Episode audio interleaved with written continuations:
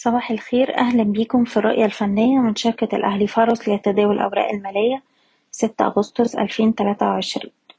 الأسبوع اللي فات المؤشر قدر يتماسك ويحافظ على مستوى الدعم بتاعه سبعتاشر ألف وتلتمية وقفلنا الأسبوع على ارتفاع عند مستوى سبعتاشر ألف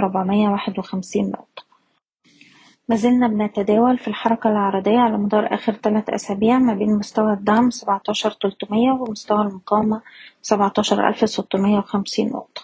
أصبح مستوى سبعتاشر ألف وتلتمية مستوى حماية أرباح على الأجل القصير وهو أقل مستوى مسجل في آخر تلات أسابيع.